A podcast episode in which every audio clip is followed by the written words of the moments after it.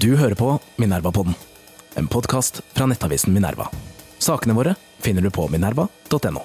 Minerva-podden er en podkast fra avisen Minerva. Det er gratis å lytte til Minerva-podden, men det er ikke gratis å lage avisen. Hvis du vil støtte Minerva, kan du tegne abonnement ved å gå inn på minerva.no abonnement, eller du kan vippse oss penger for å vise at du setter pris på podkasten, til mediehuset Minerva. Velkommen som abonnent. Hei og velkommen til Minerva-podden. Mitt navn er Nils August Andresen. Jeg er ansvarlig redaktør i Minerva. Med meg i dag har jeg ingen ringere enn Audun Lysbakken. Velkommen. Tusen takk. Tidligere partileder i Sosialistisk Venstreparti. Ingen fast gjest på Minerva-podden, men vi er veldig glad for å ha deg her. Veldig hyggelig å få komme. Jeg har hørt på, jeg skjønner du. Er her fordi du har eh, skrevet en artikkel i Klassekampen som jeg syns var interessant. Eh, den handler om woke, på en måte. Den handler også om eh, om hva man heller, heller, burde snakke om enn woke. Begynn med å fortelle litt. Hva var konteksten for at du skrev den artikkelen i Klassekampen, og hva er det du vil si? Altså Egentlig er det jo et paradoks at dette nå er den andre liksom, eh, diskusjonen om woke jeg er med på i en uke. For jeg ville egentlig for alt i verden ikke inn i noen debatt om woke. Jeg syns ikke det er liksom det mest interessante spørsmålet. Men grunnen til at jeg da deltok i Klassekampens woke-debatt, var at jeg mente at i eh, flere artikler i den avisen så ble det skapt et bilde av den norske venstresiden som da ja, veldig woke og identitetspolitisk, som jeg er eh, dypt uenig i. Jeg mener tvert imot at den norske venstresiden har blitt klart mindre identitetspolitisk i løpet av det siste tiåret. Og så mente jeg også at det er en del sider ved det å akseptere bildet av eh, woke som et stort og farlig samfunnsfenomen, som jeg mener kan være både feil og, og, og, i verste fall farlig. Hvordan er det du forstår altså Vi kan ta litt av konteksten her. for det er jo at eh, er, Her var det vel Andreas Harald Olsen, som slett ikke er på venstresiden, og en dansk uh, psykolog, vel, Glenn Beck. Ikke til å forveksle med den amerikanske virkelige kulturkrigeren Glenn Beck, men, men uh, allikevel.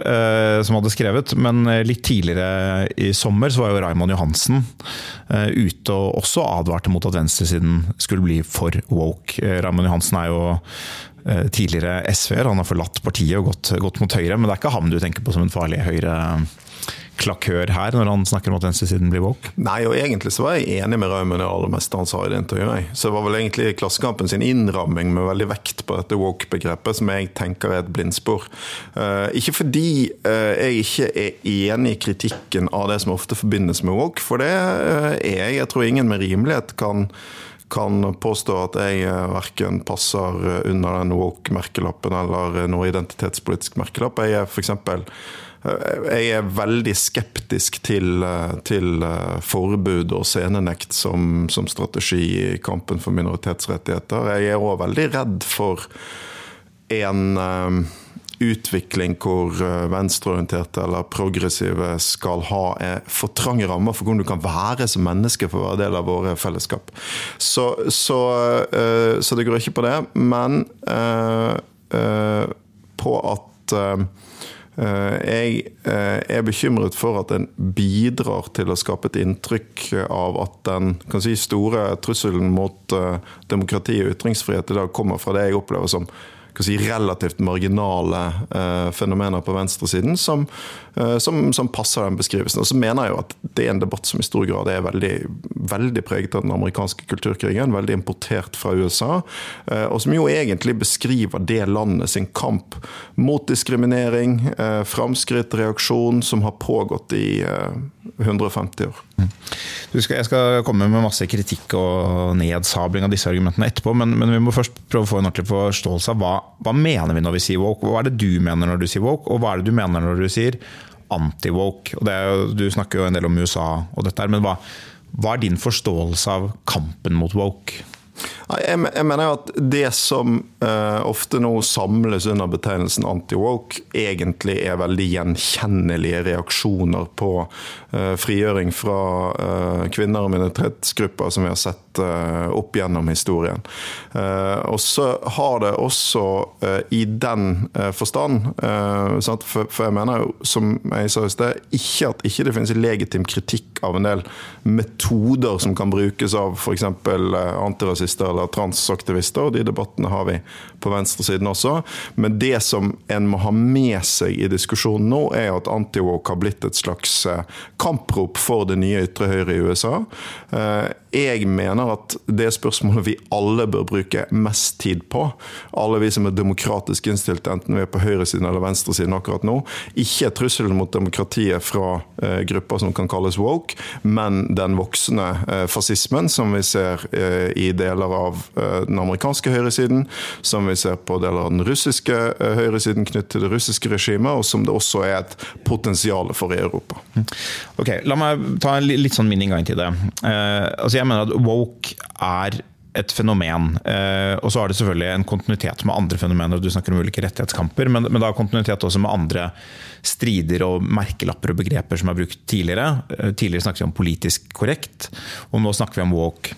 Eh, men mange av oss opplever en viss forstand at det er en forskjell mellom de to begrepene. Og mitt forsøk på å definere det, og det, det er en definisjon under, under utarbeidelse, men, men det er at politisk korrekt betegnet standpunkter som var type bredt delt på venstresiden. Det er fint å være positiv til innvandrere, det er viktig med klimatiltak. Eh, og så kunne man kanskje støtte noen klimatiltak som var litt mer symbolpolitiske, og man kunne være litt naive for hva som skjedde med innvandringen i Sverige, sånn som, sånn som sånne som meg ville kritisere SV for alltid. Eh, og jeg ville sikkert fortsatt måtte kunne kritisere deg for å være politisk korrekt i, liksom, i mine konservative høyre øyne.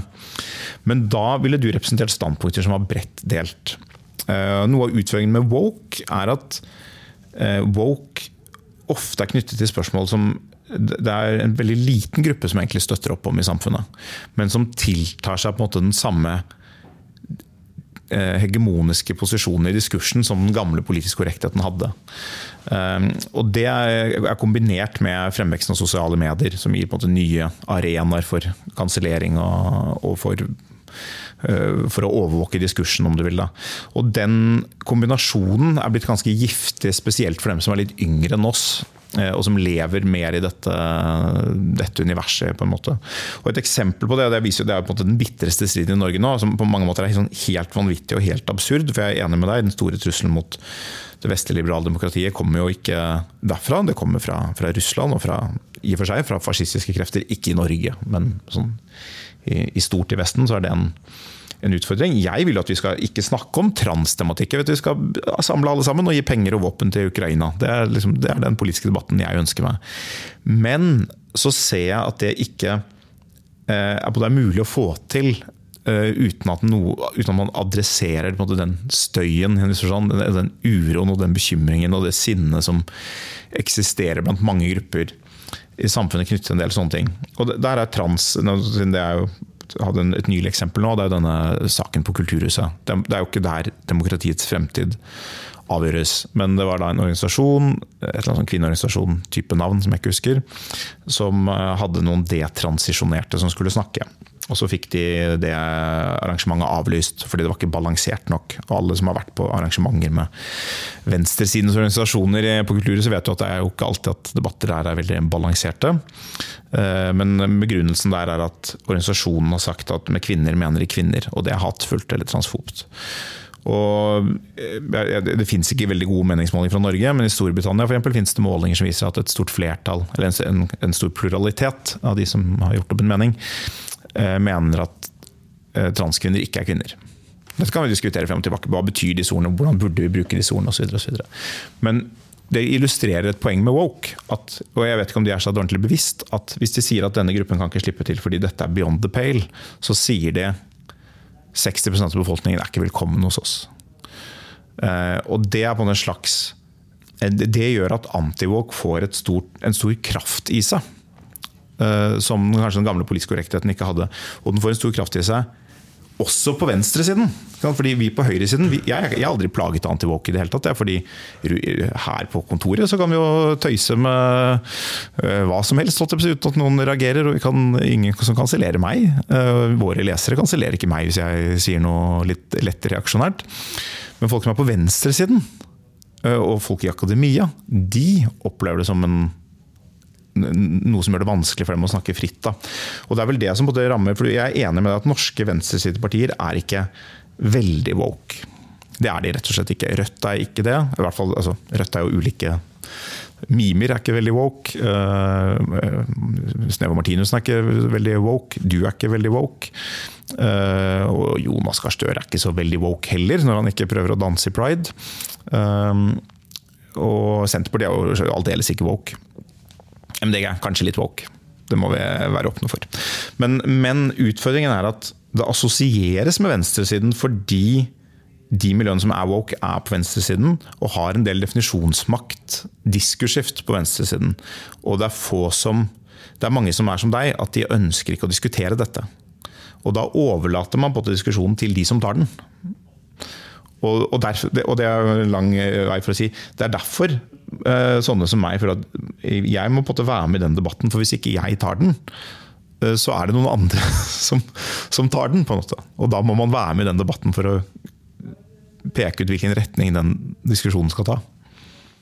Jo, men jeg kan eh, kjøpe det. og det her er jo litt av utfordringen. ikke sant? At det er klart at Skulle du liksom virkelig fått fart i woke-debatten, så skulle du hatt en som liksom syns at kansellering er en strålende strategi i, i kampen for skeives rettigheter, f.eks. Jeg, jeg, jeg mener i utgangspunktet ikke det. Selv om jeg nok mener at noen ganger så kan jo så kan jo den debatten framstå som at det å som at det er liksom en, en, spesiell styrke ved ytringsfriheten, eller en spesiell frihet å kunne si masse nedsettende ting om andre. Jeg mener jo at det går an å si at det er en sentral del av folkeskikken å prøve å være litt sånn bevisst på hva er det, hva, hva er det, hva er det som kan såre og, og, og også innskrenke si, ytringsrommet for andre mennesker. da. Eh, eh, som gjør at det å være årvåken på det, for å bruke det ordet, eh, det er jo ikke feil. Det kan tvert imot være bra. Men, men, men jeg er veldig skeptisk til det å Hva si du, du kan sjelden vinne progressive kamper ved å nekte andre ordet. Men, men, så er jo bare eh, spørsmålet proporsjonene i dette. sant? Fordi at Jeg mener jo at de debattene vi må ta i bredt, det er jo de debattene som handler om noe som er samfunnsproblemer. Ting som er et vesentlig fenomen i vårt samfunn. og der Jeg mener jeg sånn, jeg syns at når disse debattene kommer opp, så blir det ja, det finnes noen eh, eksempler, men liksom belegget for at dette skal liksom være en, en stor tendens i Norge i vår tid, syns jeg er tynt. da. Eh, og i hvert fall i, i liksom mitt liv på norsk venstreside, så, så mener jeg at jeg har møtt dette i liten grad. Eh, eh, jeg føler vel kanskje at anti-woke er en større greie enn woke. Eh, og da er det kanskje greit å spørre seg sjøl hvorfor det. Og da tror jeg vel også det er sånn at hva, hva, tenker du om Ja, jeg mener at Høyre ja, fordi, Rett og slett fordi det er jo et veldig greit sted å putte venstresiden, da. Sant? Men er anti-woke et veldig stort fenomen i, i, norsk politikk og i norsk samfunn? Det ser jo plutselig ut til å ha blitt det nå, da. Hvis det er riktig som det blir sagt, at dette var liksom en veldig sentral del av budskapet til eh, høyresiden i dette skolevalget. Er det riktig? Eh, ja, jeg vet ikke. Jeg var ikke på de skolene. Men jeg ser at en del folk sier det sjøl, eller subjekt, ikke sant, som, som står fram og liksom Ja, oppfatter jeg, da. Prøver å, å, å gjøre dette til en, en, en svær greie. Uh, og, og, det er der jeg tenker at proporsjoner er viktig. Proporsjoner er viktig fordi det er det som styrer liksom, det politiske kompasset vårt mot hva, hva er det som er hovedoppgavene. Hvor, hvor kommer hovedtruslene fra? Uh, og der syns vel jeg at jeg, uh, selv om jeg hører at du sier fornuftige ting om dette med trusselen fra det autoritære Høyre, så syns jeg liksom at jeg hører ganske mange på, på høyresiden som er jeg er kanskje mer opptatt av å diskutere woke enn av å diskutere det, og da mener jeg proporsjonen er feil. Altså, jeg jeg syns at det, mange på høyresiden har snakket om dette lenge. og du kan si Nesten så lenge at vi kanskje glemmer å snakke om det, eller at man ikke har noe nytt å si etter hvert. Altså jeg, for egen del, jeg skrev i 2015 og 2016 da Trump kom, liksom hva, hva nå konservative, og hva, hvor går veien videre? og hva, hva, slags lærdommer må vi ta av dette? og sånn, og det, Bård Larsen i Civita har, har, jo nesten sluttet å skrive om at SV er totalitært, for han bekymrer seg sånn for Orban. og, og Bård Larsen er et veldig hederlig unntak eh, etter mitt syn, for å ha sagt det. Ja. Mens uh, rikspolitikere er jo ofte ikke i så, mye sånne samtaler uh, av noen art, egentlig. Altså Høyres politikere diskuterer verken woke eller anti-woke eller Trump, og i en viss forstand så kan de ikke uten videre gjøre det heller. Du kan si sant, at en kommende norsk statsminister Nå skal ikke jeg spekulere hvem som er Høyres statsministerkandidat, men, men, men de ikke, de, det er jo grenser for hva de bør si om Donald Trump. I fall han blir valgt og er Norges næreste allierte. Uh, så det er en sånn, sånn realpolitisk hensyn. Men jeg, altså jeg, er jo enig med deg at liksom, trusselen fra Trump og trumpismen uh, den er jo stor i Vesten. Jeg oppfatter den selv som ganske moderat i Norge. Og dermed så I den norske politiske debatten så snakker vi på en måte ikke om det hele tiden. Men litt, jeg, jeg tror at jeg har en kritikk av venstresidens forståelse av anti-walk. og det er, Du skriver i din eh, artikkel i Klassekampen at dette er en gjenkjennelig anti-walk. Det drives av kampen mot eller synet at minoriteter og kvinner har fått for mange rettigheter. At klima er en løgn. Eh, klimaendring er en løgn, og at venstresiden er en elite. Og Det er det på en måte viktig å, det, det er myter, de må på en måte parkeres. Venstresiden kan ikke diskutere på det premisset. Og det er klart, Fremstilt sånn, eh, så er dette myter. Og, og, og akkurat på det premisset så kan ikke venstresiden diskutere. Det er i og for seg enig og jeg er kanskje i og for seg også enig i at eh, noen på høyresiden ønsker å diskutere på det premisset. Men la meg bare reformulere dem, og så kan du svare og si dette her. Noen typer minoritetskamp kan ha autoritære trekk, og offerroller gir politisk makt, og de brukes selektivt. Se f.eks. diskusjonen mellom transpersoner og detransisjonerte, og hvordan vi forstår, forstår de to. Klima er en løgn. Eh, altså det er jo bare en myte, selvfølgelig, men, men du nevner også i din kronikk at antivoke politikere vil satse på kjernekraft. Det er sikkert fordi de emosjonelt eller identitetsmessig er mot vindkraft, men kjernekraft er jo et veldig bra, veldig, veldig bra klimatiltak som måtte vise hvordan enkeltpolitiske løsninger både blir en del av kulturkampen. Jeg ønsker å skrive en sånn kultursosiologisk artikkel om det. Hvordan ble kjernekraft anti-woke? Det er jo fantastisk interessant. Eh, det viser at begge sider av denne kampen på en måte har en dytter ting inn i løsningene sine. Da. Og Så er det det siste som kanskje er det viktigste, og det er at venstresiden er en elite. Det er den ikke uh, som sådan. Og i, i, Norge er den ikke det i det hele tatt. Men vi ser noen nye verdiskiller i samfunnet der, uh, som ofte er koblet på utdanning. Typisk er koblet på utdanning. Jo høyere utdanning og jo mer urban du er, jo mer like verdier har du, eller hvor mer forskjellig er de fra, fra, fra, andre grupper. Og dette er jo et av Bjørgulf Brons poenger, og, og, og, de tingene som virkelig irriterer ham, tror jeg. Den urbane, liberale eliten som mener andre ting enn ham selv, om narkotika og kanskje kvinner og gudene vet. Jeg vet ikke hva, hva, han mener om forskjellige ting. Eh, ikke kvinner, det var, det var, kanskje feil. Men uh, om forskjellige om EU, liksom all den type ting. Han ser på det som noe sånn urbanliberalt tøys. Uh, og og det er noe reelt. Hvor folk på venstresiden som har de meningene, det er riktig, de har de meningene, de er ikke en elite. Men på noen felt så har de et, en helt spesiell form for diskursiv hegemoni. Ikke egentlig den politiske debatten, men i alle arenaene rundt den politiske debatten. Altså i store deler av byråkratiet, embetsverket, direktoratene, eh, akademia, instituttsektoren. Eh, i historie av de avisene, ikke alle, men i de fleste.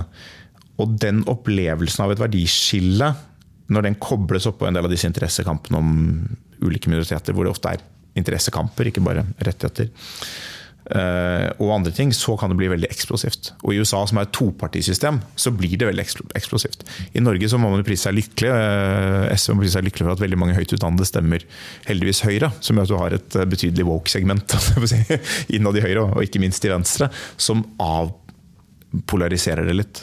Men, men ser du den beskrivelsen? Ja, absolutt. Altså, og, for, for, å si det, da. Jeg, jeg mener nok når det gjelder Eh, selve woke-begrepet, så, så, kjøper jeg din distinksjon som du var inne på i sted, liksom mellom uh, hva si, en del av dagens uh, frigjøringskamper som kan få en form som kan oppfattes ekskluderende av mange, kjempes på vegne av langt mindre mindre tall da, enn før. Så mener nok jeg likevel at det er en betydelig kontinuitet både i hva slags debatt debatter om metoder som har vært eh, i ulike progressive bevegelser. Eh, og Det er derfor jeg spør i artikkelen min liksom, ok, var, var Gerhardsen woke når han var med å kjeppjage NS for Grünerløkka 1933? Var jeg sjøl det når vi snudde ryggen til Fedrelandspartiet i skoledebatten i, i 1993? Men, men, men, eh, men, jeg ser at det er en forskjell der. Men jeg, jeg holder jo likevel fast ved at woke som sådan er et marginalt fenomen i norsk sammenheng. Men det du er inne på ellers i resonnementet ditt nå, det er jo ikke marginale ting. Men det er jo heller det som jeg vil si går under eh, det veldig beslektede begrepet identitetspolitikk. Det mener jeg er veldig relevant å diskutere. Veldig viktig å diskutere. Eh, og eh, men da mener jeg i en breiere forstand enn sånn det ofte blir brukt. For ofte når man snakker om identitetspolitikk i dag Jeg syns en del på høyresiden har liksom begynt å bruke det om alt man ikke liker, liksom, eh, så er det ofte knyttet da til Uh, relativt små grupper på venstresiden som liksom bygger en, en identitet knyttet f.eks. til det å tilhøre en minoritet. Men Torbjørn Røe Isaksen har synes jeg, en veldig mye bedre beskrivelse av dette i boken sin, som jeg anmeldte for ikke så lenge siden, som jeg syns var veldig god. Der han skriver om hvordan eh, veldig mye blir identitet i den politiske debatten i vår tid. Og det er et av de virkelig alvorlige problemene vi står overfor. At nesten alle politiske leirer mobiliserer så mye på identitet at vi til slutt mister muligheten til å, å snakke sammen. Fordi politiske fellesskap ikke lenger da blir bygget rundt folk som mener noenlunde det samme, men i mye større grad rundt folk som er på samme måte, eller lever på samme måte. Da blir det veldig mye vanskeligere å bygge kompromisser eller forstå hverandre eller nå ut til hverandre. Det mener jeg er en praksis som ikke kan isoleres til et, et venstresidefenomen. Eh, det er Jeg vil si at ser du, ser du til Norge i dag, så mener jeg at den radikale venstresiden nå er det minst identitetspolitiske vi har. Men Partier som Høyre og Venstre er åpenbart heller ikke det. Kanskje det er fair å si at de partiene som har spilt mest på det jeg vil kalle identitetspolitiske grep de siste årene, er uh, Fremskrittspartiet, Senterpartiet og MDG. ikke sant? Uh, men jeg mener det ligger noe Grunnen til at jeg tok dette opp i min artikkel, var at her ligger det noe potensielt veldig farlig for venstresiden. Fordi den eneste måten til makt for uh, si, det rød-grønne segmentet da, i politikken, er jo hvis man greier å bygge allianser på tvers av livsstils-, identitets-, kulturskillelinjer. Altså du må, du må, samle denne urbane, progressive middelklassen som du, du, beskriver, med den mer tradisjonelle arbeiderklassen og folk som uh, lever på trygd. Hvis ikke er ikke noe vei til flertall for, uh, for eh, venstresiden. Og Det er derfor jeg mener at venstresiden er helt avhengig av å ikke drive og lade disse kulturelle identitetspolitiske motsetningene. Mens en del på høyresiden kan ha større interesse av at det skjer, nettopp fordi det splitter de tradisjonelle koalisjonene som venstresiden har eh, kunnet styre på grunnlag av. Og det tenker jeg jo er noe av det ytre høyre utnytter og Eh, får til å skje, og som det mer moderate Høyre i mange tilfeller indirekte tjener på, fordi man får makten ved hjelp av den mobiliseringen av, av velgere. Mm. Jeg var enig i mye av det du sa, bortsett fra at det er ikke så veldig farlig om den rød-grønne koalisjonen ikke kommer til makten. Men, men, men altså, jeg er både enig en, en, en, del av dette. Det flyttes en del velgere det, det har flyttet en del velgere over midtstreken uh, av identitetspolitiske årsaker. Det, det er utvilsomt. Det, eller identitetspolitiske også. Det, er litt feil, egentlig. Fordi mange av de velgerne som gikk til Frp gjennom 90-tallet, det var ikke identitetspolitikk. Det er litt feil å si. Altså, det var også folk som hadde et bestemt syn på, på innvandring, en bestemt oppfatning, som i ettertid kanskje ikke bare var uh, helt idiotisk. Uh, så det er jo på en måte reell politikk, men, at, men si at det er en sånn effekt da, som du snakker om. Og så er det en effekt tilbake, at noen velgere går da høyt utdannet urban middelklasse som burde stemt Høyre. Det gamle dager. Stemmer nå Arbeiderpartiet. Men en utfordring for, så det skaper jo noen utfordringer for både høyre- og venstresiden. og det er at Høyresiden får en kollisjon som omfatter masse mennesker som i økonomisk politikk egentlig så ganske langt til venstre. Som begrenser spillerommet for å fjerne og redusere og på sikt fase ut formuesskatten. En viktig prioritering for Høyre i sin tid. Eh, mens venstresiden får masse mennesker som egentlig ikke er så opptatt av økonomisk fordeling.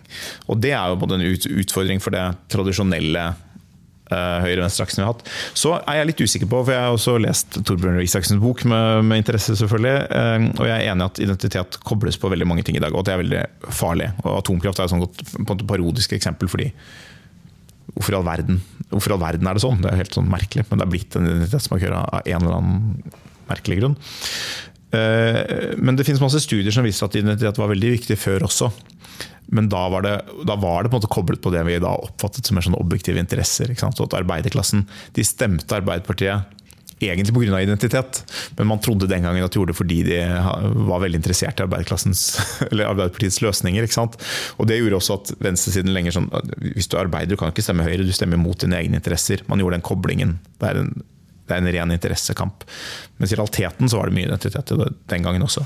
Og Det er sikkert i noen grad uunngåelig, men jeg er enig at spørsmålet er hvordan vi kan svekke det. Og Her kommer min kritikk nummer to. og det er um, et, et, punkt som du har snakket om før, eh, Audun, og som mange på venstresiden har snakket om, det er når høyresiden snakker om innvandring, så sier de, i hvert fall, i hvert fall en del av høyresiden, da, innvandringen er for høy, det, det, svekker sammenhengskraften, folk blir urolige. Se nå på Sverige. Eh, se hvordan vi har undervurdert farene. En anekdote, eller et eksempel. I 2006 så dro franske politikere på, på tur til eh, Malmö og Stockholm for å se hvordan har Sverige klart å lykkes så godt med integreringen i byene. Det var etter disse opptøyene i banlieuene nord i Paris i 2005. Eh, og så er vi her måte, 17 år etterpå, så ser vi at det er noen problemer. Og den, de problemene jo er koblet på innvandring, og ligger koblet på innvandring som ligger et stykke tilbake i tid. Og hvordan det går i Norge fremover, det er på en måte for tidlig å si. Eh, for vi, har, vi vet ikke hvilke problemer som utvikler seg basert på det som allerede har skjedd her. Men når venstresiden skal snakke om dette fenomenet, så opplever jeg at man veldig ofte vil vri det inn på det venstre, nettopp fordi man ikke vil snakke om det kulturelle og kalle det woke-problematikk. og liksom den type ting. Man vil vri det inn på det som alle grupper kan være enige om fra en venstresideanalyse, økonomiske forhold. Så sier man ja, men vi har vel lenge vært opptatt av EØS-innvandringen. Den er altfor høy, og den skaper utenforskap og, og sånne ting. Og det det kan det være noe i. Jeg har skrevet om det selv som økonom eh, gjennom mine få publiserte saker. at Det, er, eh, det, er det kan være et spørsmål om det dytter EØS-innvandringen kan være med på økt utenforskap blant eksisterende befolkningen og, og, sånn. Men det er empirisk komplisert, bare for å ha sagt det. Men, men utfordringen er selvfølgelig at den, den store uroen der ute, den er ikke koblet på EØS-innvandringen, selv om den har økonomiske sider. Og nå står vi midt i en stor og krevende flyktningsituasjon fra Ukraina, som kommer til å gi oss en rekke økonomiske utfordringer og arbeidsmarkedsutfordringer antagelig i årene som kommer.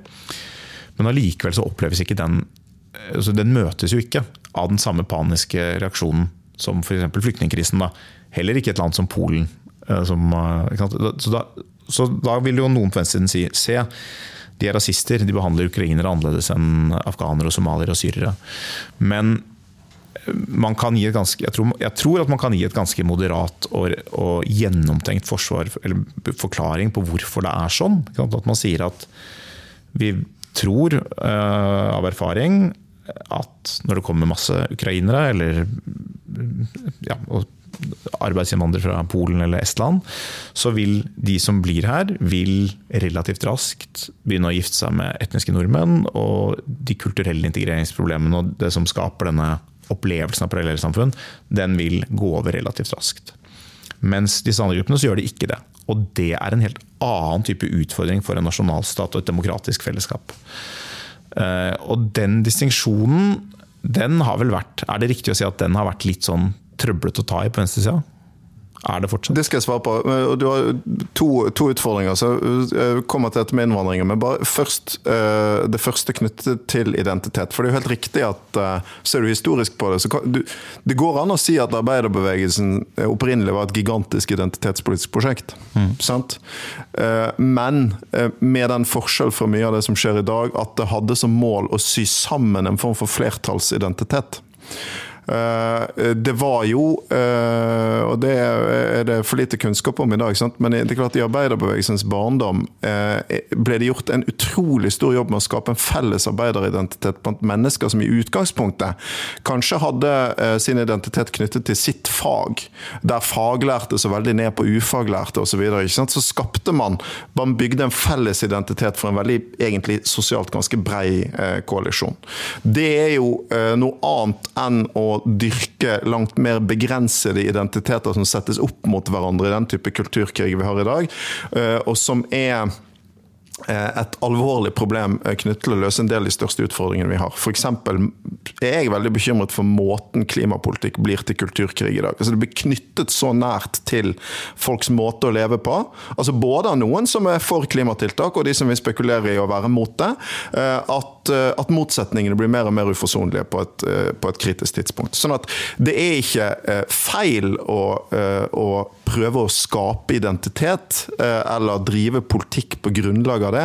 Spørsmålet er bare om du gjør det på en måte som kan, du kan bygge koalisjoner rundt, eller om det foregår på en så splittende måte at det bare polariserer og, og stykker opp hele samfunnet vårt. Så til, så til innvandring.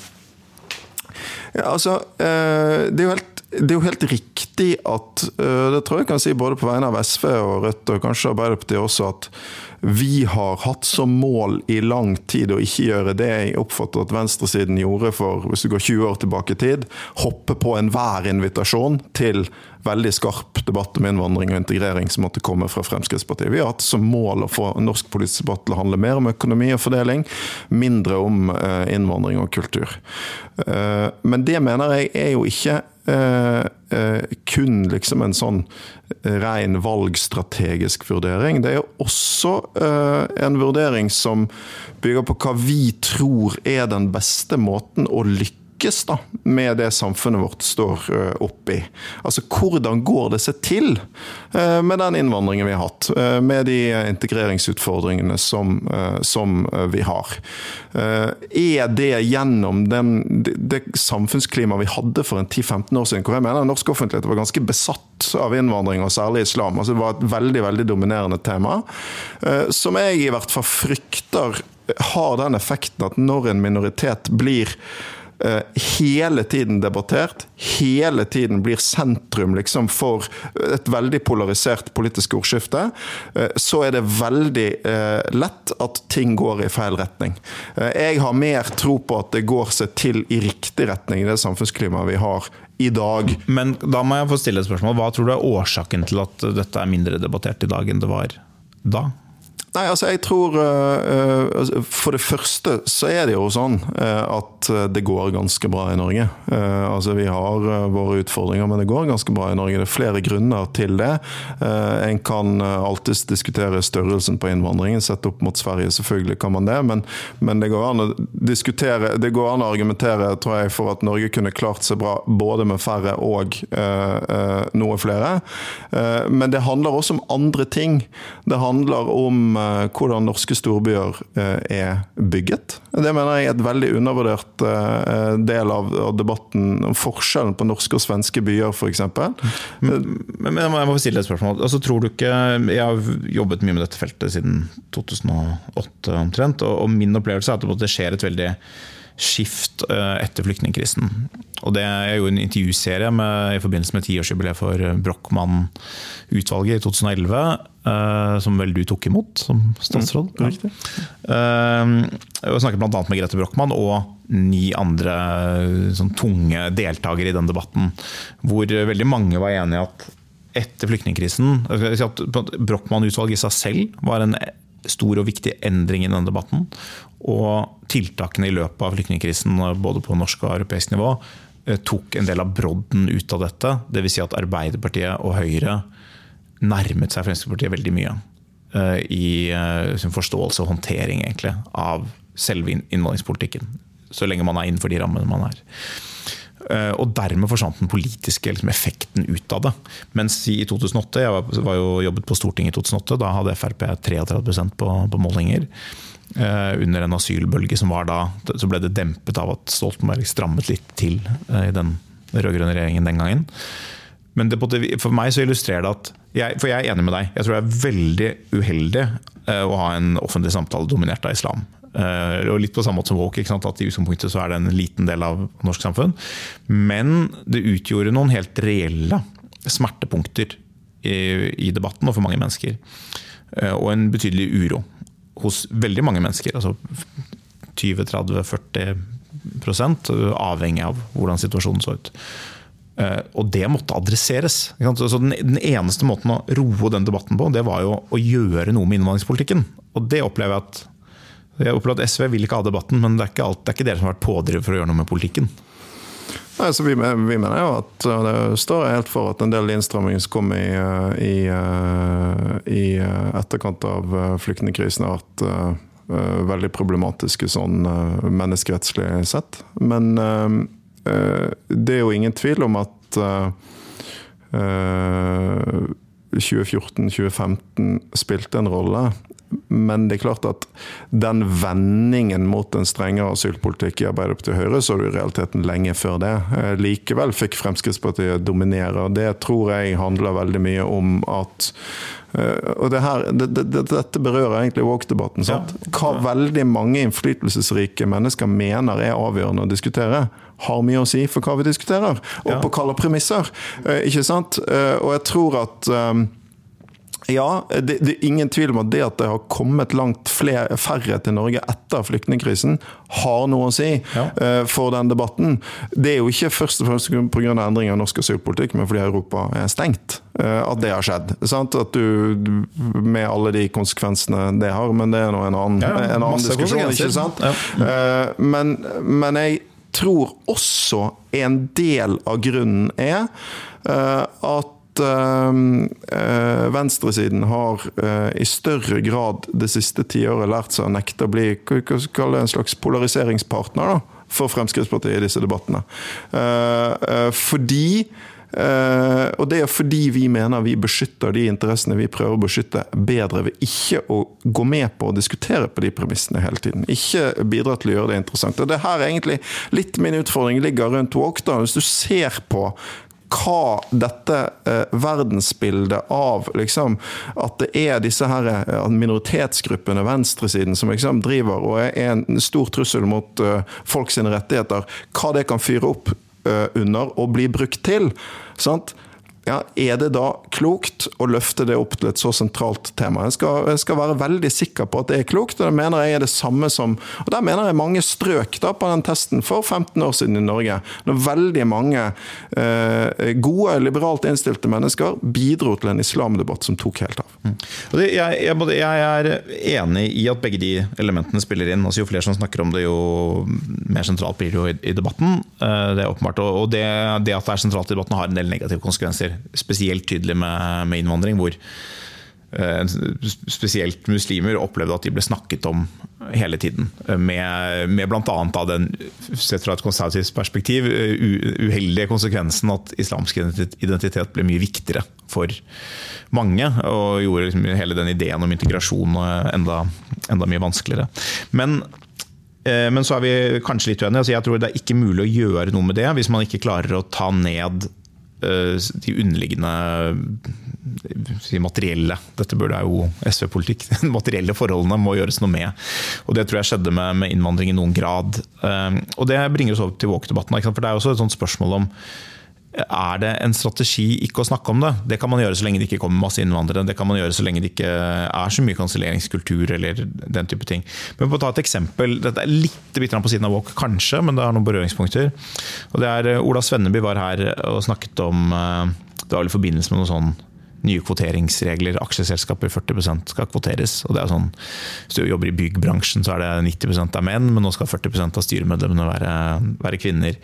Og Det var i forbindelse med det her at man gir ekstra studiepoeng til kvinner på NTNU, selv om de allerede er overrepresentert både der og, og, mer enn 60% 61% vel, i akademia generelt.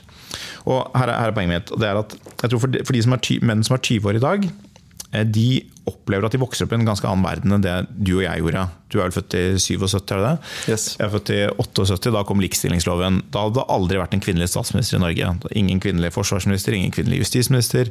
80-90% av professorene var menn. 60% av studentene på universitetet var menn. Osv., osv., osv og da, vi har en sånn opplevelse at ja, det er ikke sikkert jeg er enig i hvert eneste tiltak, men, men vi er fortsatt på vei. Liksom. Vi, er, det, fortsatt er sånn at vi opplever at kvinner er fortsatt generelt marginalisert. Jeg tror at menn som vokser opp i dag, de opplever at kvinner ikke er generelt marginalisert. At det kan finnes spesifikke likestillingsutfordringer eller spesifikke utfordringer for kvinner. Seksualisert vold og Eh, en, en, del andre ting. Kanskje, kanskje, et eller annet med teknologiselskaper, ledernivå i teknologiselskaper. og Noe med barselting og, og, sånn. Men generelt er det ikke marginalisert. fordi menn har også masse spesifikke utfordringer som er, som er om, omfattende eh, og tunge. Og når du liksom endrer den når du skrur på den bryteren litt og kommer inn i et annet mentalt univers, så er det veldig mye av retorikken som plutselig ikke gir mening. The female is future. Hva skal det bety da for en, en, gutt som er 20 år i dag i Oslo og ser at 30% av menn faller fra på videregående, og kvinner dominerer stort i høyere utdanning, som man opplever at setter premissene for, for samfunnsutviklingen. Altså det er en sånn det er et eller annet der som ikke er kanskje direkte woke. Dette er mer en forlengelse av det gamle politisk korrekte, kanskje. Men jeg synes man ser det litt Du snakket om at du kjeppjaget fedrelandslaget i 1993. Og det var, den gamle politisk korrekte oppsiden. Det, var jo ting man kunne vært enige om. Fedrelandslaget var jo marginalt. Jeg var ikke med i 1933. Altså, 1993, det, var, det var Geir. Det er 1993. 1933. Så var det jo, ikke sant? Da handlet det jo ikke om minoriteter og kvinners rettigheter. da. Var, eh, Quisling var ikke opptatt av jøder før 1936. Jeg, jeg, tviler på at det var det som var bakgrunnen for det. Det handlet om forholdet til kommunismen og arbeiderklassen og sånn. Og ser, jeg tror Mange på venstresiden ser seg selv i den tradisjonen, og så ser de ikke at måte, eller så er de kanskje ikke nok bevisst da, på at spesielt for de som er yngre enn oss, så oppleves virkeligheten veldig annerledes. Så er det plutselig JK Rowling som kjeppjages, og ikke fedrelandslaget. Og det er veldig stor forskjell. Det holder ikke å si det er kontinuitet i virkemidlene. Konteksten er helt annerledes. Ehm, og det er jeg tror det er veldig mye av den utfordringen som man støter på når man, når man støter på woke. Du snakker om disse kunststudentene. Jeg er enig. Det er sånn Eh, ikke bare er det en bagatell, men man kunne sikkert diskutere også. Jeg vet ikke hva jeg syns om det engang. Jeg, jeg, har ikke satt meg godt nok inn i en del av disse tingene som var, var noen status som de ikke likte, eller et bilde de ikke likte på Kunsthøgskolen. Det kan jo av og til være legitimt. Jeg har vært veldig opptatt av diskusjonen om statuer som rives. Altså, noen statuer bør rives.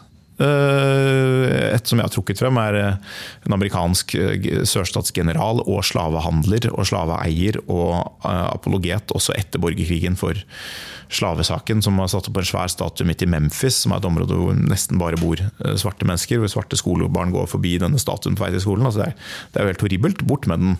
Den ble, som ble reist selvfølgelig som et monument over at hvit makt og segregasjon var tilbake i sørstatene på begynnelsen av 1900-tallet.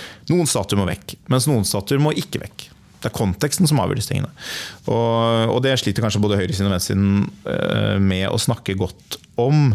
Men jeg tror, jeg, jeg tror det, noen av disse tingene rammer venstresiden hardt fordi man er liksom litt ute av stand til å si de tingene som folkeflertallet mener. Et eksempel er som du sa at det var så stort fokus i skolevalgsdebatten. Jeg, jeg, jeg tror ikke det var woke som avgjorde skolevalget. Jeg tror det større nasjonale tender og sånn. Men, men, en av de tingene som ble dukket opp, da, det var at Håkon Snortheim, nestleder Unge Høyre, han sa i en debatt eller to uh, Jeg mener at man må kunne si at det bare finnes to kjønn. Eller det var et eksempel på ytringskultur. Og det er jo, Uten å gå langt inn i selve den debatten Nå har jo Glenn Petter Sæther ut med en bok som heter 'To kjønn', som vi anmeldte i Minerva denne uken. Eh, det er jo, kan snakke om biologi, snakke om kjønnsidentitet. Hva er kjønnsidentitet? Hvordan skal vi behandle det juridisk? Hvordan skal Det behandles? Det er jo kjempestore vanskelige debatter som man absolutt bør snakke med innestemme om. Men eh, Snortheim ble både angrepet fra AUF for nettopp å være sånn veldig Se, du sier sånne forferdelige transfobe anti-woke ting. Og Astrid Hoem sa vel også 'jeg er woke', for jeg slåss for minoriteters rettigheter. Så hun sa at hun ikke var woke, men Klassekampen greide å lage en overskrift hvor det så ut som det motsatte. Oi, da leste jeg ikke bak overskriften. Det beklager jeg. Ja, nei, okay, ok, Det er jo interessant, så da skal jeg ikke tillegge henne det. Eh, men, men det viser litt at jeg tror en del sånne utsagn som er veldig bredt delt, blir allikevel gjenstand for kritikk fra mange på venstresiden, både i Arbeiderpartiet og i ditt parti. Du hadde denne, uten å gå langt inn i den, men også denne Shabana Rehman Stovner-revy-saken som rullet og gikk eh, som et hvor det etterlatte inntrykk for en stor del av befolkningen blir at en del representanter for det gode på venstresiden stempler masse mennesker som rasister eller utøvere av rasisme på et grunnlag som jeg tror et flertall i befolkningen opplever som urimelige. Um, og det er, en del, det er en del sånne områder som eh, som dermed nettopp skaper et inntrykk av at venstresiden er ikke for sånne som har sånne holdninger som meg. For Du sa at du er opptatt av å bygge en koalisjon av hvor folk kan mene det samme. Og så oppleves det at det er ikke for sånne mennesker som har sånne holdninger som meg. Og det, og det skulle, burde jeg synes er fint at de da kommer til høyresiden, men jeg tror at det er dumt, da, på en måte, om, eh, om venstresiden ter seg sånn. Mm. Ja, men det er jeg enig i. Og derfor så ter jo venstresiden seg, altså venstresidens partier og organisasjoner seg i Norge i all hovedsak ikke sånn, mener jeg. Men klarer man å, å korrigere det, inntrykket? Ja, men, men, så er det dette med proporsjonene som jeg er litt opptatt av. da, sant? Fordi igjen, da, der jeg tror vi på en måte skiller lag her, er jo i vurderingen av hvor omfattende disse fenomenene er. Og også da i hva er beveggrunnene eh, til mennesker som, som, beveger seg politisk. Det er klart at det fins mennesker som beveger seg langs disse kulturelle aksene. Jeg tror jo at innvandringsdebatten når du går 20-30 år tilbake, var en mye større faktor i å flytte på den måten enn noe av det vi snakker om i dag. Absolutt. Um, jeg tror f.eks. at uh, den kjønnsdebatten er uh, betydelig overdrevet. Og jeg, og mener, det er for så vidt det samme som du sier, da, at disse forsøkene på liksom, å tolke skolevalgsresultatet som nærmest uttrykk for en helt ny generasjon Det er i så fall tidenes korteste generasjon, for det er bare to år siden det var liksom, rød-grønt valgskred i skolevalget. ikke sant? Jeg tror jo at hovedgrunnen til de bevegelsene vi ser i dag, uh, en hun er veldig mye mer uh, uh, jordnært, og det er den økonomiske situasjonen. Sant? Folk opplever at de skulle få en regjering som sa at det var vanlige folks tur. To år etterpå så er alt sinnssykt mye dyrere, og rentene er skyhøye. Det er den det desidert ja, det viktigste. forklaringen. Det ville rammet høyresiden akkurat like hardt hvis Høyre hadde vunnet valget for to år siden. Høyre løst det. så, så, derfor uh, så, så, det, er noe, det, det, er det ene. Da. Jeg tror det er en tendens til å overdrive det. Men det andre som er en interessant ting i Eh, i disse rundene, syns jeg, det er at Uh, som jeg tenker er verdt å reflektere over, det er hvor du sitter, avgjør jo også bildet du får av hvilken vei ytringsklimaet er hardest. Mm. Ikke sant? Mm. Fordi at jeg, jeg opplever jo, uh, uh, når jeg møter en del folk på høyresiden, at de kan fortelle om typer kjeft og trakassering og sånn som jeg ikke kjenner så godt til, for det er ikke den samme som jeg møter. Mm. Men det er jo også motsatt. sant? Sånn jeg vil jo advare høyresiden mot litt liksom skape et bilde av at det er på deres side ytringsklimaet har blitt vanskeligst. Det tror ikke jeg er riktig.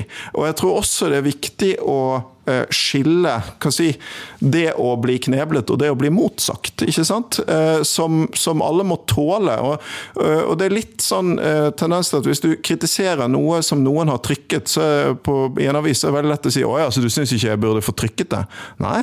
Jeg er uenig i det du skriver der.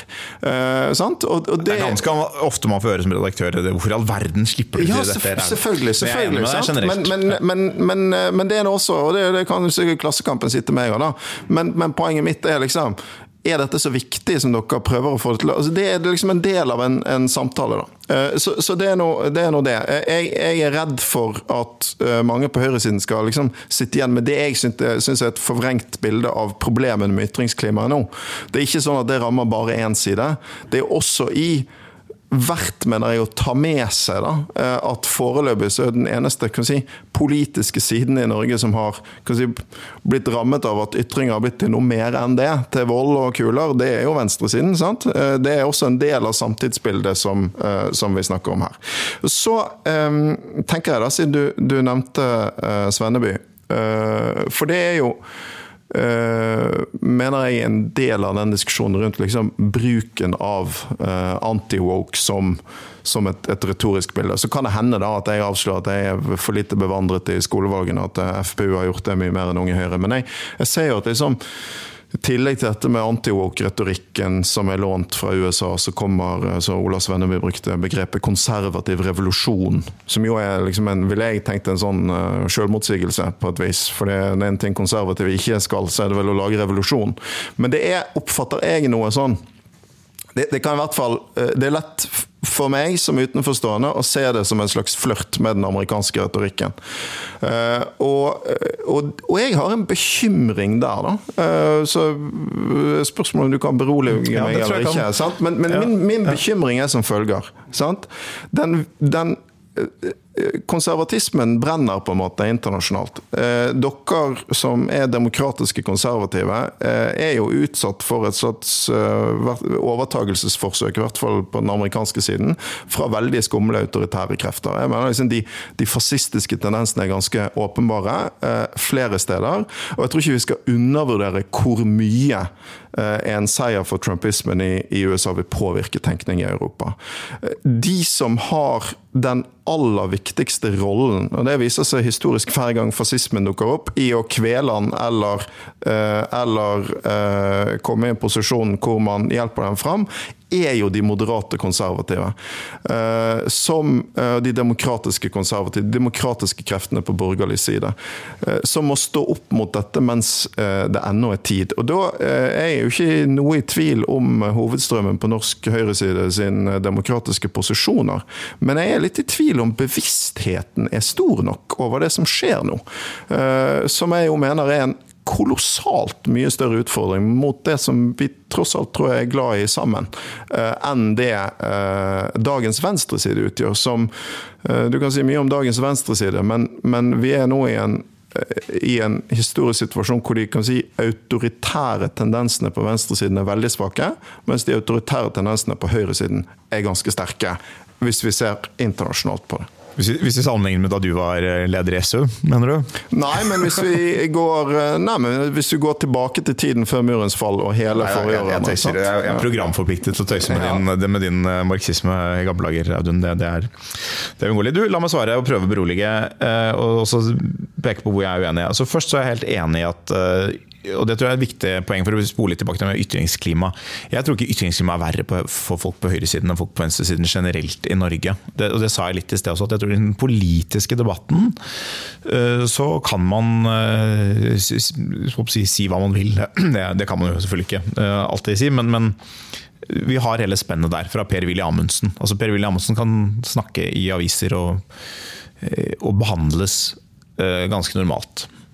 Eh, og Mimir Kristiansson snakker normalt. Der finnes dette rommet. Så får man kritikk, selvfølgelig, men, men det er ikke noe farlig å ytre seg. Jeg, jeg tror egentlig ikke de fleste politikere på høyresiden opplever at de er så utsatt.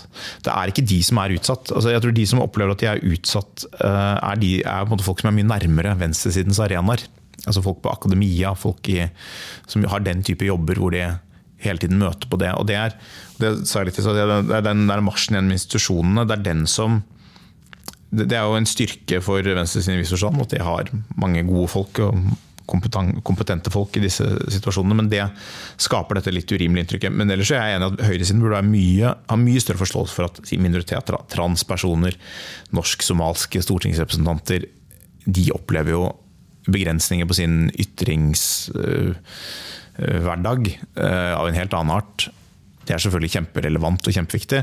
Og jeg tror man også må skjønne sant, at folk på høyresiden har lett for å skjønne at en gammel 74 eh, år gammel norsk kvinne uten utdannelse bruker feil ord og er sint på innvandrere og sier noe dumt, og så blir hun hengt ut i VG og så sier man det er helt forferdelig. kan ikke ha det sånn. Men man har lite forståelse for at mennesker som har opplevd en del rasisme, også av og til uttrykker seg uparlamentarisk og kanskje uklokt, men at det er liksom lov. og det, eller Sånn er livet. Det må vi leve med. Så bare å få sagt det. Det er en oppfordring og formaning til, til våre lyttere på øresiden. Men så for å ta tilbake til, til Svenneby konservativ revolusjon. Og inn i dette her med moderat og høyres ansvar, som er en viktig utfordring. Jeg, husker ikke, altså jeg er enig i konservativ revolusjon, det bør man jo ikke uh, si. Jeg forbinder litt med Sibanden. Jeg trodde han sa konservativ bølge, jeg kan huske feil. Uh, men jeg vet ikke om du så det han sa i et intervju etterpå hvor han sa at det er, det er, en bevegelse her, det er en reaksjon mot en del woke-ting som vi nok tjener på. Og det er, en, en, det er jo en positivt for høyresiden at man eh, kan tjene på det, men det er også noen farer her. Jeg vet ikke om du så at han sa det? Uh, altså jeg tviler i hvert fall, jeg så ikke det, men jeg tviler ikke på at han har sagt det. For Svenneby har sagt mye fornuftig om disse tingene. Det det, han, så han sa det der, og han, det er også det som er interessant, for han sa det samme om uh, sant, da AUF etterlyste et oppgjør med, med ideologien rundt 22.07. Eh, og møtte litt sånn hoderysting fra mange eldre i Høyre. Og jeg skrev om dette i, i 2011 og 2012. Jeg skrev, jeg skrev, 'Konservatismen og mørkets hjerte'. Det var en artikkel som het om, om, de mørke kreftene i konservatismen. Som var før Trump og, liksom alt dette. Eh, og så, så, var det mange eldre i Høyre, sånn, Erna Solbergs generasjon, eh, som, som hoderystet dette. Vi har ingenting med Breivik å gjøre, dette er ikke vårt ansvar. Hvor, men jeg tror En grunn til at Ola Svenneby ser den, det ansvaret, er at han sier det finnes noen kontinuiteter i tenkning. Hvis du drar det litt videre, hvis du vrir litt på verdensbildet, så kan du komme fra noe som er legitimt og, og sunt i et eh, liberalt demokrati, til noe som er autoritært. Eh, mens de som har sagt nei, vi, men vi har da ingenting av dette, de ser ikke det på samme måten. Så, så, det er på en måte nettopp fordi han står der han står, at han kan si det. Og så er spørsmålet hvordan man møter det. Altså jeg, jeg, opplever at tenkningen i Norge ble ikke så veldig påvirket av Trumps første seier i 2016. Eh, får vi håpe at han ikke vinner igjen, men hvis han gjør det, så er det jo et mål at det ikke skal skje da heller. Men så er både spørsmålet hvilket spesifikt ansvar har moderate konservative for å hindre dette? Og jeg vil si altså i den grad vi kan gjøre noe, så må vi gjøre det. Men det sies jo veldig ofte med referanse til nazismen i, Tyskland. At det var, ble sluppet til av industrieiere og forskjellige sånne ting. Men det, det er jo på en måte to to sider av den saken. Det er Hvilken rolle spilte kommunistene i Tyskland på den tiden? Eh, det er mange aktører som inngår i det økosystemet som utgjør offentligheten. Og Grunnen til at vi diskuterer woke, eh, fra mitt perspektiv, det er jo dels at, dels at noen av disse temaene er sånn som jeg faktisk bryr meg litt, litt om. Av og til hvis det er noe om kjønn eller, eh, eller noe om innvandring eller noen andre ting, så har jeg et syn på det som jeg gjerne vil fremme. Og det kan være litt konservativt og litt anti-woke. Eh, men først og fremst, så, så er, hvis du ser på den amerikanske store woke-krigen, så, så, er den politisk destruktiv, polariserende. Den øker det som norske, noen norske statsvitere, Sirianne Dalum og Tore Vik, kaller for eh, affektiv polarisering.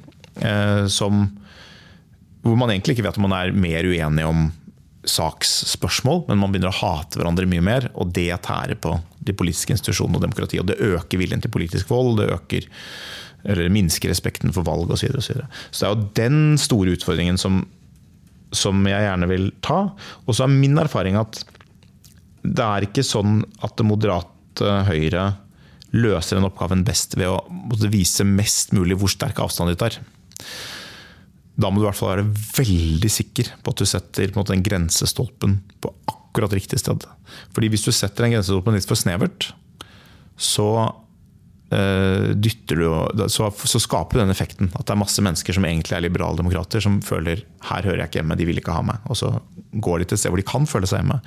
Og Det er en sånn effekt som blir latterliggjort ofte. Hvorfor i all verden skal man gå til ytre høyre bare fordi noen har kalt deg rasist? liksom. Men det er nettopp denne identitetseffekten som er så sterk. Hvis de ikke vil ha meg her, så går jeg et annet sted. Og Derfor må man måtte tenke klokt en blanding av retorikk og politikk som eh, løser de kulturelle bekymringene. Og nå skal jeg komme deg i møte, dette trodde du ikke. I en sånn situasjon så er det viktigere med eh, at folk opplever en trygg økonomi og en rettferdig økonomi enn det ville vært hvis alt var rolig. Da kunne vi hatt enda mer skattekutt. Nå kan, må vi ha litt mindre.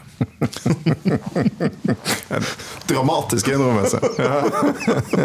Nei, men, jeg, eh, men, eh, det der er jo også sant? Det, det er jo, Jeg er jo blant de som tror at økonomi er viktigere enn kultur over tid for, for, politisk mobilisering, og at venstresidens hovedproblem derfor ikke er de kulturelle posisjonene, men at si, den breie venstresiden, særlig de sosialdemokratiske folkepartiene, ikke har evnet på lang tid å, å formulere og mobilisere for et økonomisk prosjekt som kunne skape en type begeistring, og dermed også si, bremse da, eh, mobiliseringskraften i de kulturelle spørsmålene. Men, eh, men jeg, eh, eh jeg, jeg tror jo en skal være veldig forsiktig med å dra historiske paralleller for langt. Men så skal en også være litt forsiktig med å ikke dra historiske sammenligninger i det hele tatt. sant? Eh, og hvis en ser eh, for seg fascismen som noe som ikke bare et historisk fenomen som kan dukke opp ved bestemte si, kriseperioder, sånn som jeg, jeg, eh, tror vi eh, ser nå, da kan det jo være nyttig. da. Eh, og jeg mener En av de tingene som kjennetegnet de landene hvor fascismen fikk gjennombrudd for 100 år siden, var nettopp at du hadde vesentlige deler av den demokratiske høyresiden som når det kom til stykket selv om eh, de nok ofte hadde langt større motvilje mot fascismen enn det en sånn klassisk marxistisk forståelse dette det skulle legge til grunn, så vil de heller ta fascistene enn å samarbeide med eller overlate noen form for makt til den moderate venstresiden. Og, Det er en parallell der til det du ser i USA i dag, hvor mange moderate republikanere til syvende og sist liksom, heller velger det autoritære. Og det, det der jeg mener bevissthet er, er viktig, og, og at høyresiden har et hovedansvar for å bygge et ideologisk forsvar mot dette, og ikke undervurdere hva trussel det jeg utgjør. Eh, og da eh, mener jeg jo også at det er viktig å forstå hva utgangspunktet for den politiske polariseringen i USA er.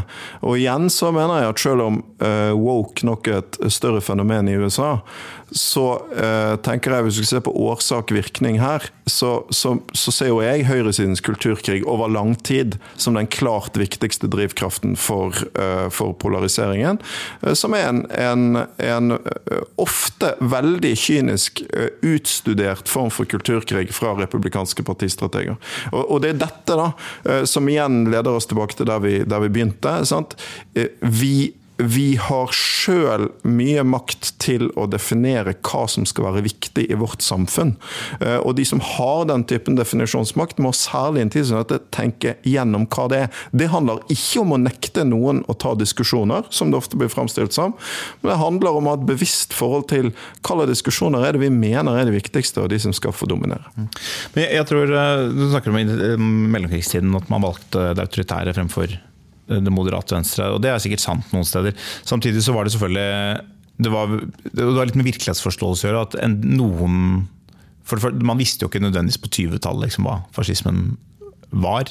Uh, man burde visst det, selvfølgelig. Man visste ikke hva kommunismen var heller. Man, man burde visst Det Det var ofte sånn at noen, noen, visste det ene, noen visste det andre. Men uh, det tok tid før alle erkjente begge deler. Men det man ønsker å unngå, er jo på en måte å velge mellom pest og, og kolera. Så hvis du sier at du var i Norge i 1922, da, så, var, okay, så hadde du fedrelandslaget, som var litt for, for mørkeblått, for å si det sånn. Eh, men, men kanskje ikke ennå tydelig autoritært, eller kanskje uklart akkurat hvor autoritært var. Det kan man, en lang diskusjon. Og så hadde du Arbeiderpartiet, som da var med i Internasjonalen.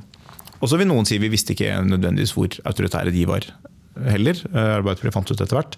Men det er på en måte den situasjonen man vil unngå. Og det som skjer i USA, er selvfølgelig at republikanere har laget seg et bilde av demokratene som ekstremt radikale. Som gjør at selv moderate republikanere ja, det, er så horribelt. Og kanskje liksom det er walk helvete. Og jeg er enig, det sitter strateger der som bruker dette kynisk og lager planer. Men utføringen er på at det ikke å gi dem bedre ammunisjon enn nødvendig. Altså det er, eh, for det er på en måte ganske oppsiktsvekkende at en person som Donald Trump, som er en de mest upopulære politikerne i USA, presidentkandidat som har vært noen gang, var i stand til å vinne et valg og, og få et såpass jevnt, jevnt resultat. Og Espen Goffeng, som kom fra venstresiden i, sin tid, har skrevet en artikkelserie for oss som om Man kan krangle med Goffeng om walk, selvfølgelig, her og der. Men som viser ganske mange tall som er interessante. Som viser hvem er det som stemmer republikansk. Hvor er det skiftene kommer. Og da ser man på måte at det er kobla på en del woke-spørsmål, noe av stemmeflyttingen der, som er ting og det er det, som er ting som griper inn i folks hverdag. Og det er av typen ting som skjer i skolen. Som man kan si, ja, man burde ikke fokusere så mye på det, men foreldre fokuserer på det. De er, eh, for å bruke Kristin Halvorsens ord, de er opptatt av unga våre. Og eh, litt det samme med politi, vold, øh, voldskriminalitet. Den type ting som folk opplever på en måte tett på kroppen. Enten det rammer dem eller ikke rammer dem, så er de urolige og utrygge. Eh, så det er en del sånne ting. Eh, og så kan du si ja, men er det demokratenes skyld? Og da vil jeg si nei, ofte i stor grad ikke. Eh, noen ganger litt, når det gjelder skoler og, og noen byer hvor man har sånn defund the police-aktige ting. Men jeg, men jeg, tenker det er en, hvis, hvis, du har gitt en utfordring til moderate venstre, vi må klare å håndtere dette.